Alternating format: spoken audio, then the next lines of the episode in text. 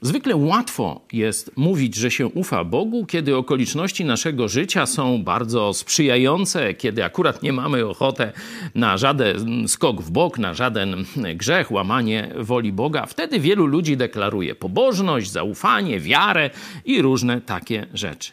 A ja chcę Wam pokazać przykład ze Starego Testamentu, gdzie zaufanie do Boga sprawdza się w momencie próby, kiedy wszystko się wali.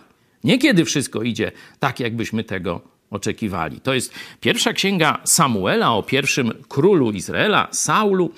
Y, on już ma po swojej stronie Boże namaszczenie, ma przy boku proroka, y, ma za sobą jakąś już wstępną przychylność ludu y, izraelskiego i staje do kolejnej próby. Przeciwko niemu idzie ogromna armia Filistyńczyków z rydwanami, czyli ówczesnymi czołgami, z dziesiątkami tysięcy wojowników. Żydów jest tylko kilkuset. Boją się. Część spieprzyła, uciekła z placu boju.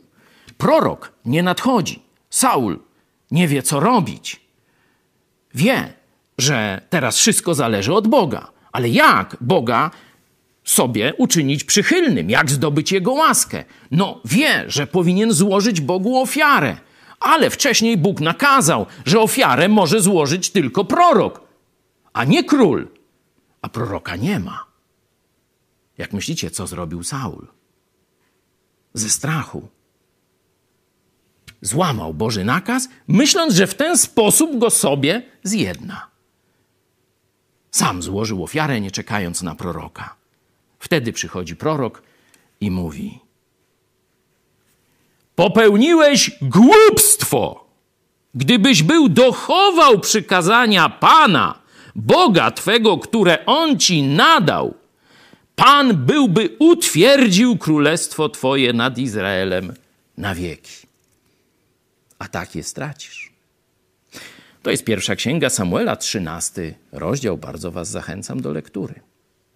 Kiedy wszystko się wali, kiedy wydaje się, że nie ma wyjścia i musimy zgrzeszyć, to wtedy właśnie objawia się prawdziwe zaufanie i wierność Bogu.